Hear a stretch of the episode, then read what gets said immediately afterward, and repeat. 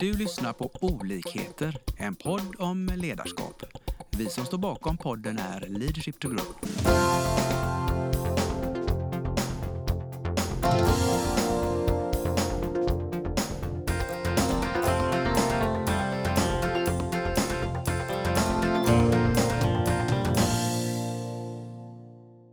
Välkommen till dagens avsnitt eh, från vår podd här. Leadership to Grow är vi som poddar idag. Mats Andersson, Lars Engström och Anna-Karin Eriksson. Vi tänkte podda om eh, värdet av att reflektera över ett bokslut 2020. Vad tänker ni om det här året som har varit? Hur kan vi stänga det? Ja, jag hugger in direkt. Jag tänker att det här har ju varit ett år som vi hoppas inte vi behöver uppleva igen. Det har varit kris, elände, osäkerhet. Vad tänker du på Mats?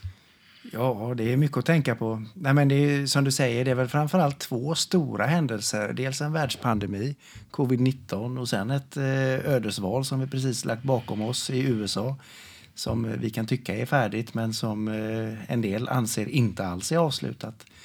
Så det är väl framförallt det jag tänker på.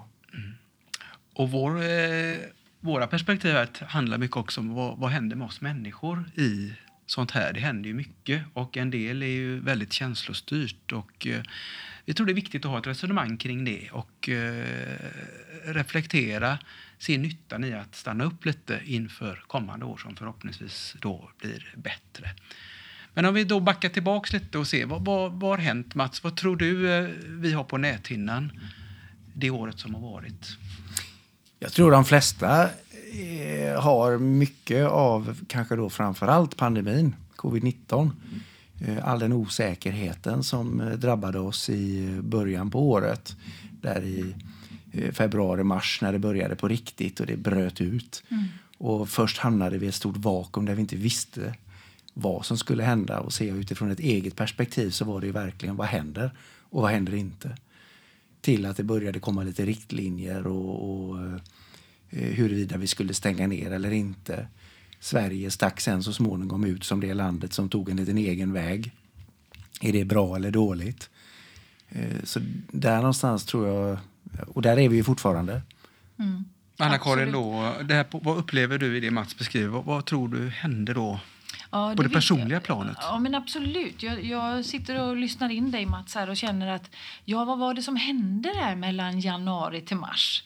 Eh, våra verksamheter och företag rullade på som vanligt och sen så rycktes mattan under fötterna bort. Eh, många dippade rejält, många kanske stagnerade och bara stopp. Eh, bom, stopp in i väggen. Medan andra branscher som vi har upptäckt eh, blomstrar och eh, bara kör på och lyfter i pandemin. Så att det är väldigt olika hur upplevelserna är. Eh, och min personliga reflektion var att man, man blir ju rädd. Man undrar vad händer nu och man bromsar in och kanske eh, behöver titta på hur kan jag leda mig själv ur den här krisen? Hur kan jag i mitt företagande och vårt företagande komma framåt? Vad behöver vi göra? Så tänker jag. Det är så intressant det du säger. Och vad jag kan se när jag tittar bakåt är att en del branscher och några av dem som jag själv jobbar med, de har ju åkt med av bara farten därför att saker i samhället har ställt nya krav. Och då blir det ju vissa som bara åker med. Medan en del andra verksamheter skulle kunna ha gått under men har tänkt till och funderat på vad är det vi är duktiga på här och hur kan vi med hjälp av det som vi är duktiga på ställa om och göra någonting annorlunda. Och, och har fått gå igenom stålbad men ställt om och varit jätteframgångsrika. Och, och då landar vi i det som Lars pratade om förut, det här med liksom självledarskapet och, och ens egna attityder till eh, sånt som vi inte kan påverka, alltså yttre faktorer. Hur hanterar vi som människor eh, någonting omvälvande och anpassar oss till det?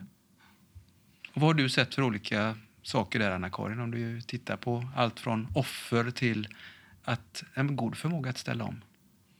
Eh, jag, jag tänker att det handlar väldigt mycket om min egen attityd. Eh, och hur jag kan eh, det är klart att alla åker ner i djupet ibland då när det är så här.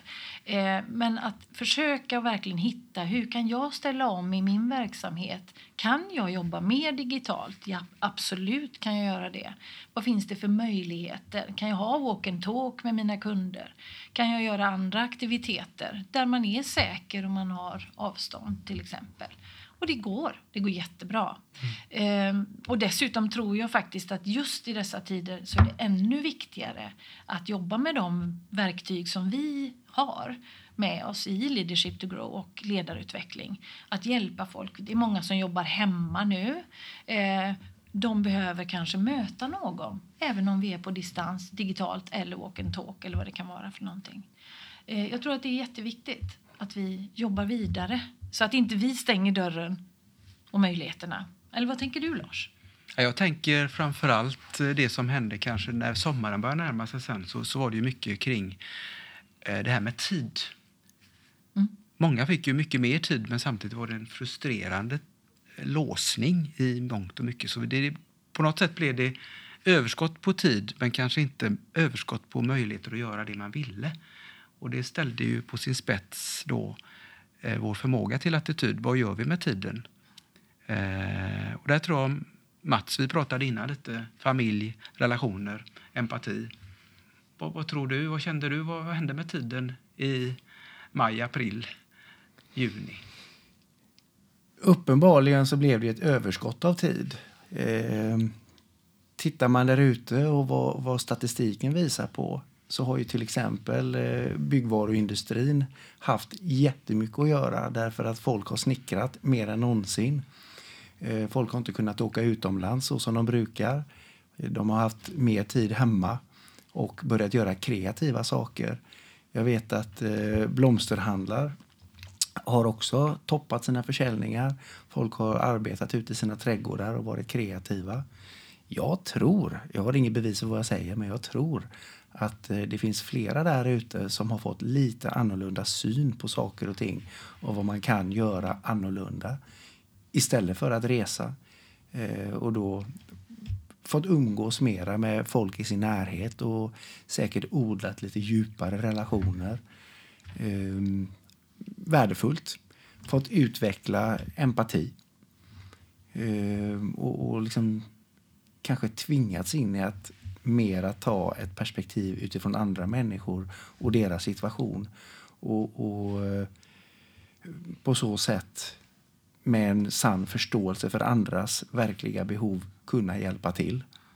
Eller uppmana andra till att ta beslut, liksom. alltså uppmana till att agera med, med hjälp av den eh, empatin som, som jag faktiskt tror har utvecklats. Och, och där kommer vi in då, tänker jag, på från det här eländet att hur duktiga vi människor egentligen då är på att ställa om och se möjligheter i, i grunden ett jobbigt läge. Att vi har förmågan att stanna upp, tänka nytt, skapa en positiv reflektion och ett självledarskap. Som du säger, Anna-Karin, ändra attityder. Men man kan göra mer än att ändra attityder. Vad tycker du man kan göra vidare om vi nu tittar framåt och knyter ihop säcken och gör det bästa av situationen? Men jag tänker då att det kanske är att, att ändra en attityd. Det, det är något som vi pratar vardagligdags om. Eh, och jag tror att eh, det kanske inte alltid är så lätt att, att, se vad är det jag behöver göra för att ändra min attityd.